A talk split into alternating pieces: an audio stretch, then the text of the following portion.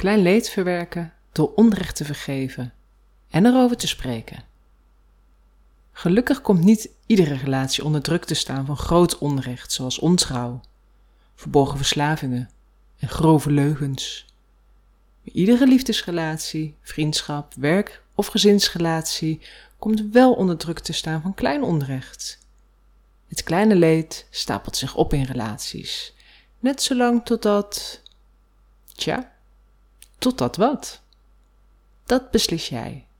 Je kunt vergeven en je kunt spreken.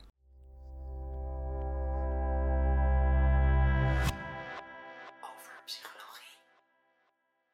Hallo, ik ben Mirella Brok, relatietherapeut en schrijfster. En je luistert naar mijn podcast Vergeven en spreken over klein leed van overpsychologie.nl. Klein onrecht tackelen. Dat doe je door het leed te vergeven of door jezelf uit te spreken. Wanneer je klein onrecht opruimt, verzwakt het de relatie niet langer. Door klein leed steeds te vergeven of te bespreken, vergroot je de veiligheid in je relaties. En deze veiligheid verandert je beeld en het nieuwe beeld verandert je handelen. Over psychologie. Vergroot vertrouwen met vergeven en spreken. Ieder mens heeft kwaliteiten en uitdagingen. Op tijd komen is niet Misha's kwaliteit. Het is een rode draad door Misha's leven. Allerlei mensen gaan anders om met Misha's gedrag. Familie communiceert aan Misha een ander tijdstip dan aan de rest van de familieleden, meestal 30 minuten eerder. Sommige klanten van Misha trekken hun klanditie in omdat ze het wachten beu zijn.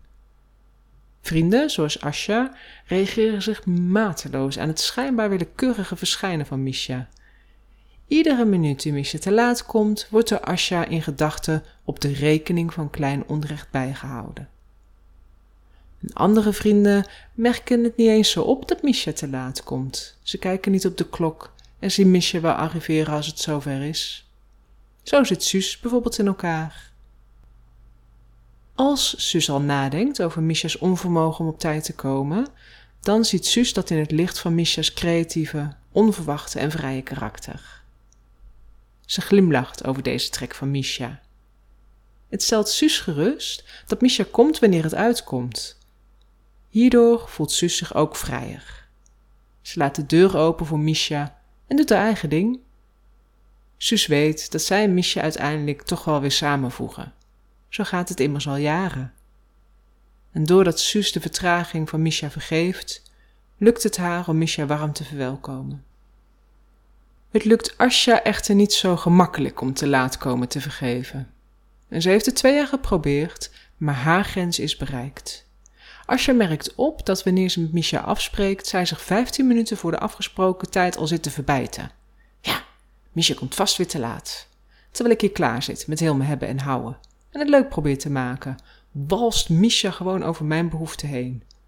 Alsof mijn tijd minder belangrijk is. Ik heb ook al meer te doen dan te wachten. Zo gonst het steeds bozer door Asja's hoofd. Ze baalt van dat nare stemmetje. Het stemmetje zorgt ervoor dat ze het eerste half uur dat Misha er is, wat stug doet en stilletjes is. Ja, maar genoeg duurt het even voordat de irritatie zakt. En dat zakken lijkt zelfs steeds langer te duren. Laatst duurde het al 43 minuten, zag Asja op de klok. Over psychologie. Twee vriendinnen hebben een verschillend beeld over het gedrag van Misha. En beide reageren dan ook verschillend op Misha. Een beeld beïnvloedt het gedrag en het gedrag beïnvloedt de relatie. Vergeven en spreken beïnvloedt het beeld. En dus, als Asja Misha niet kan vergeven, wellicht dat Asja dan een dialoog met Misha aan kan gaan. Ja, nou, er is eigenlijk wel iets wat ik wil zeggen. Ja, ik vind het ook wel moeilijk hoor. Daarom heb ik er ook al met Suus over gesproken, omdat ik gewoon niet goed weet hoe ik het moet brengen. Ik denk dat ik gewoon een beetje overgevoelig ben. Het ligt ook gewoon aan mij, dat weet ik ook wel hoor. Het komt te vroeg, weet je, maar nou, ik wil je toch laten weten. En, en ik hoop niet dat je boos wordt, dus als je het niet erg zou vinden om het te appen, als je bijvoorbeeld, nou ja, twintig minuten later komt. Ah, ik weet het, ik ben een controlfreak en ik weet ook wel dat ik het los moet laten hoor. Maar nou ja, ik zit wel te wachten, weet je. En voor jou is misschien ook wel een.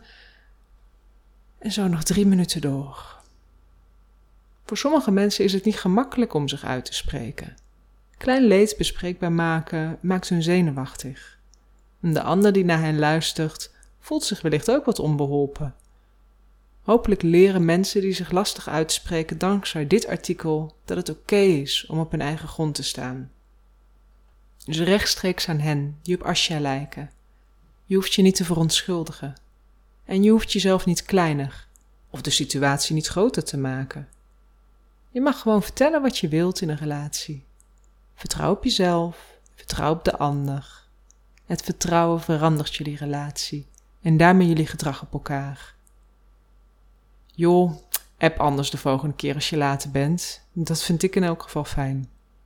over psychologie, Wanneer het je lukt om klein leed uit de weg te ruimen, dan zul je merken dat je meer plezier krijgt in het geven in een relatie. Het verandert jouw mokkende, huh, er wordt me altijd wel wat aangedaan, in een vrijgevende, goh joh, ik sta hier nou zo lekker in het leven dat ik zin krijg om iets terug te doen voor anderen. Je vertrouwen is immers gegroeid en je beeld is ook aangepast. Er is meer ruimte voor lol als leed is verminderd. over psychologie, Wat komt er nu eerder? Vergeven of spreken? En is het eigenlijk wel een keuze tussen die twee? Nou, die vragen mag je zelf beantwoorden. En je antwoord hangt waarschijnlijk af van A. De situatie voorhanden. B. Wie je zelf bent op dat moment. En C. Hoe de relatie is op het moment van het kleine onrecht. Soms zul je beter in staat zijn te vergeven en te zwijgen terwijl je op andere momenten wellicht de neiging tot spreken voelt. In ieder geval is het denkbaar dat vergeven en spreken elkaar helpen. Vergeven vergroot immers het vertrouwen in jezelf, de ander en de relatie. En daardoor is het makkelijker om jezelf uit te spreken. Tegelijkertijd zorgt spreken ook voor meer vertrouwen, waardoor vergeven gemakkelijker wordt. Vergeven en spreken zijn dus als een kip en een ei, wat er het eerst komt is minder relevant dan het veranderen van je patroon.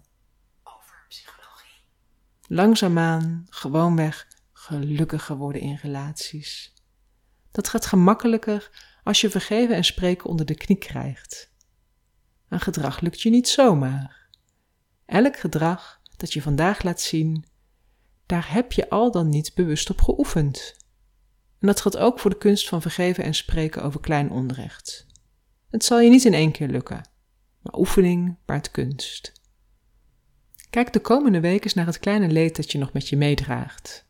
Wat ben je van nature geneigd om te doen? Negeer je het? Vergeef je het? Of spreek je het uit? Nou, daag jezelf dan eens uit om een andere keuze te maken. Gewoon omdat je dat kan. En je hoeft niet eens meteen te slagen, zolang je maar oefent. Dat is waar langzaamaan gewoonweg gelukkige leven om gaat. Mogen leren van jezelf. over psychologie, Wil je meer lezen over vergeving, over spreken, over zwijgen, over evolutie of al die andere artikelen die samenhangen met dit artikel? Nou, abonneer je dan op de nieuwsbrief van Over Psychologie en mis niets.